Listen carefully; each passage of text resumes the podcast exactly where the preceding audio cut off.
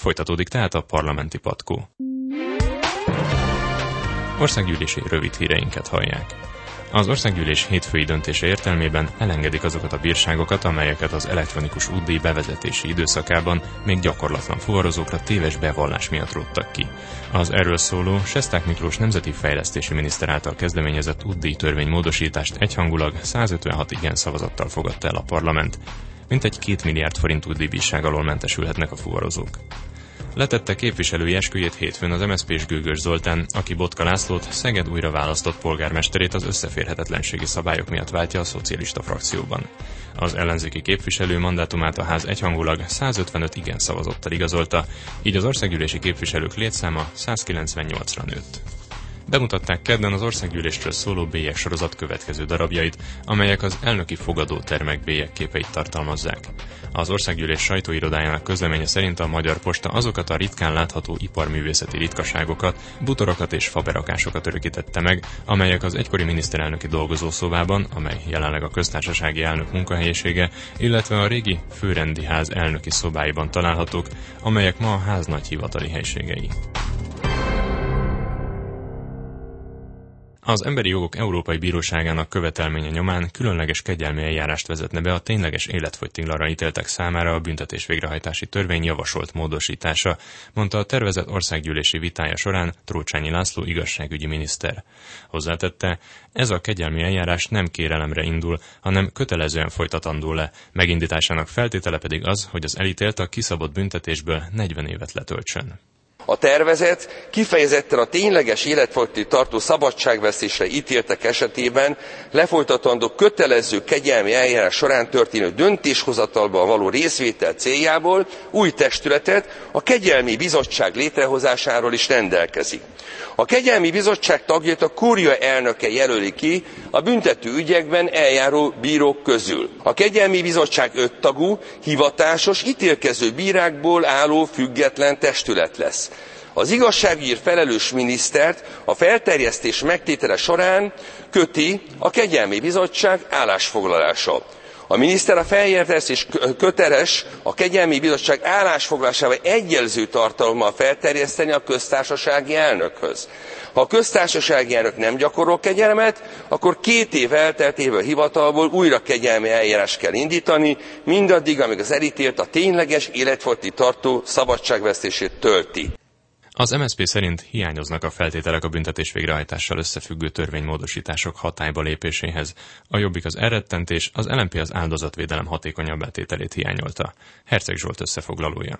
A Fidesz vezérszónoka Víg László méltatta, hogy a kormány által tervezett módosítások már megfelelnek az emberi jogok európai követelményeinek. Üdvözölte, hogy nagyobb hangsúlyt kap a reintegráció, az egyéniesített végrehajtás, a hatékonyabb oktatás és a foglalkoztatás. A KDNP-nek nem volt vezérszónoka. Az MSZP nevében Harangozó Tamás mondta el pártja véleményét. A szocialista politikus félkésznek minősítette a törvényjavaslatot. Kifogásolta, hogy nincs napirenden a büntetés végrehajtási rendszer átfogó modernizációja. Szóvá tette a börtönök zsúfoltságát és a büntetés végrehajtási dolgozók alacsony fizetését. Javasolta, hogy a köztársasági elnök kegyelmi döntései legyenek nyilvánosak. Ezt szeretné az LMP is. A párt vezérszónoka szerint túl sok ember kerül őrizetbe. Siffer András nagyobb támogatást kért az áldozatvédelemnek, és úgy véli, hogy a sértetteket automatikusan tájékoztatni kellene az elkövető szabadulásáról. A jobbik vezérszónoka szónoka hiányolja az elrettentést, és úgy látja, hogy a bűnözők jogai előbbre valók a kormány számára, mint az áldozatoké. Staud Gábor szerint egy megbánás sem tanúsító gyermekgyilkosnak soha nem szabadna megkegyelmezni. A képviselői felszólalásokra az igazságügyi miniszter válaszolt. Trócsányi László hangsúlyozta, hogy nem törlik el a tényleges életfogytiglant, csak megadják az elítélteknek a reményhez való jogot.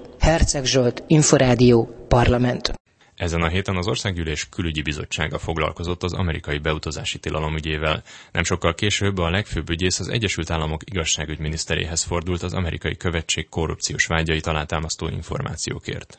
A legfőbb ügyészség közleménye hangsúlyozza, hogy mivel olyan bejelentés nem érkezett az amerikai beutazási engedélyek megvonásának okaként említett korrupciós vádakról, amely alapján az eljárás megindítható lett volna, az ügyészség a sajtóban megjelent hírek alapján vizsgálódott, ám nem talált olyan folyamatban lévő vagy befejezett büntetőügyet, amely a kitiltásokkal kapcsolatba hozható lett volna.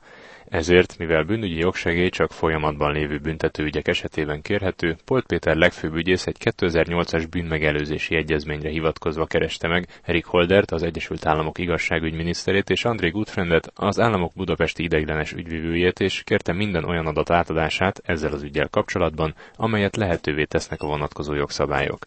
A legfőbb ügyész adatkérési lehetősége az Országgyűlés külügyi bizottságának ülésén is szóba került. Az igazságügyi minisztérium államtitkárát Répási Robertet hallják. A bíróságot megelőző nyomozási szakaszban az ügyészség tud, a legfőbb ügyész tud jogsegélykérelemmel érni az Egyesült Államok megfelelő, valószínűleg az igazságügyi miniszteréhez tud élni ilyen kérelemmel. Magyar Levente a külgazdasági és külügyminisztérium államtitkára aláhúzta, hogy a bizonytalanság fenntartása a magyar kormánynak sem érdeke. Tehát azt implikálni, hogy itt bizonyos alapvető információk elhallgatása zajlik, ez azt mondom még egyszer, hogy nem életszerű. Mindezt az együtt PM-et képviselő Szelényi Zsuzsanna felvetésére válaszolt az államtitkár, mert az ellenzéki képviselő úgy vélte, hogy a kabinetnek több információja van az ügyről, mint amit nyilvánosságra hoztak. Én azt feltételezem, hogy folyik egyébként nyomozás. Én, ha miniszterelnök lennék, már réges-rég megoldottam volna ezt. A jobbikos Gyöngyösi Márton felvetette, hogy a beutazási engedélyek megvonása az amerikai nyomásgyakorlás része lehet, az LMP-s Smuk Erzsébet pedig a magyar kormány igyekezetét hiányolta. Szinte hihetetlen az, hogy az Egyesült Államoknak megfelelő információik vannak erre vonatkozólag, és a magyar kormánynak pedig nincs. A bizottsági ülést kezdeményező szocialista képviselők a Kínába utazott Szijjártó Péter külgazdasági és külügyminiszter távolmaradására hivatkozva nem vettek részt a meghallgatáson. Október 17-én közölte az Egyesült Államok ideiglenes budapesti ügyvívője, hogy országa beutazási tilalmat rendelt el korrupció gyanú miatt hat magyar közalkalmazottal vagy köztisztviselővel szemben.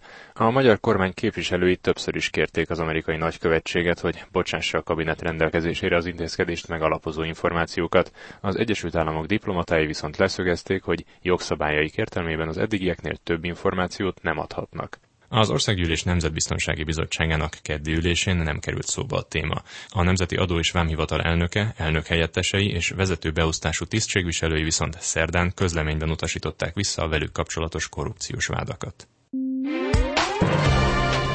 Érdekességek az országgyűlés történetéből Herceg Sándor politológustól, a Rádió 7 munkatársától. A legrövidebb ideig őrizte mandátumát gyakorlatilag csupán egy napig Fejes Ferenc a független kisgazdapárt képviselője, aki 2002. február 26-án gyakorlatilag a parlament zárülése napján tette le esküjét, és már hozzá nem tudott szólni, ő egyébként az elhunyt Dögei Imre helyére került be a független kisgazdapárt Jásznak Szolnok megyei listájáról, és így aztán valóban egy napig volt parlamenti képviselő.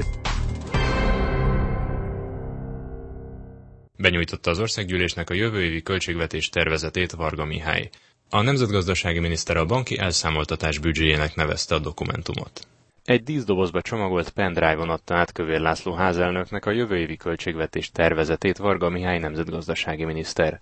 A tárcavezető hangsúlyozta, jövőre a bankoknak 1000 milliárd forintot kell visszafizetniük, amelyet álláspontja szerint tisztességtelenül vettek el a családoktól. Varga Mihályt hallják. A hitelesek vagy pénzhez jutnak, vagy ha még élő hitelszerződésük van, hitelszerződéstől függően kb. 25-30%-kal csökkenhetnek majd a törlesztő részletek. Mindezeknek köszönhetően úgy is fogalmazhatok, hogy a 2015-ös költségvetés a banki elszámoltatás költségvetése lesz. A nemzetgazdasági tárca 2,5 százalékos GDP növekedéssel számolt a jövő évi költségvetés tervezetében és 1,8 százalékos inflációval. A hiánycél 2,4 százalék, a háztartások fogyasztása 2,6 százalékkal nőhet, az államadóság pedig a jövő év végére Varga Mihály szerint a GDP 75,4 százalékára csökkenhet. A kabinet óvatosságát Varga Mihály részben azzal indokolta, hogy a magyar gazdaság fő export és import területét jelentő eurozóna országait stagnálás jellemzi. A másik fontosok, hogy ha határainkon túlra nézzünk, akkor Ukrajna és Oroszország között továbbra is fennáll az a konfliktus, amely jelentős gazdasági károkat okoz Magyarországnak. Ennek a hatásával 2015-ben számolunk, arra készülünk, hogy az a hatás, ami idén részleges volt, az 2015-ben teljes évben hathat, ez pedig a magyar gazdaság növekedését a mostani becsléseink szerint 0,3-0,4%-kal visszavetheti. Jövőre marad a reklámadó, a bankadó, az internetadóról pedig csupán annyit mondott a tárcavezető, hogy a kabinet következő ülésén minden javaslatot érdemben tárgyal majd a kormány. A tervezet alapján a nyugdíjak megőrzik vásárlóértéküket, bővítik a családi adókedvezményt, júliustól a használt lakások vásárlására is kiterjesztik a családi otthonteremtési támogatást, elindul a fegyveres és rendvédelmi dolgozók életpályamodellje, közmunkára pedig 35 milliárd forinttal többet, 270 milliárd forintot szán a kormány. Jövőre a költségvetés általános tartaléka 100 milliárd forint lesz, de megmarad az országvédelmi alap is 60 milliárd forintos kerettel. A tervezet azonban a kormány idei várakozásait is átírta, az eddigi 3,1% helyett 3,2%-os GDP növekedéssel, stagnáló fogyasztói árakkal és 3,9%-os reálbérnövekedéssel számol erre az évre. Kövér László házelnök tájékoztatása alapján a büdzsé általános vitáját november 17-én kezdi meg az országgyűlés, végszavazását pedig várhatóan december 15-én tartják.